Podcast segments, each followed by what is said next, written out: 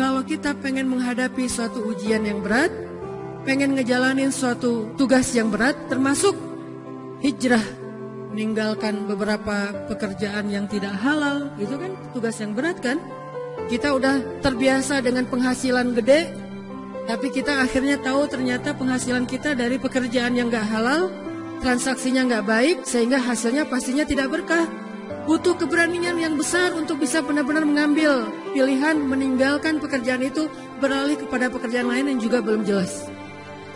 Termasuk misalnya kita memutuskan mau berhijrah untuk berhijab buat perempuan itu bukan hal yang gampang. Saya tahu betul berhijab itu pilihan yang berat dan butuh waktu untuk benar-benar mantap hatinya. Gak mungkin Allah memerintahkan kita sesuatu kecuali ada kebaikan di dalamnya. Itu aja pertimbangannya. La ilaha illallah.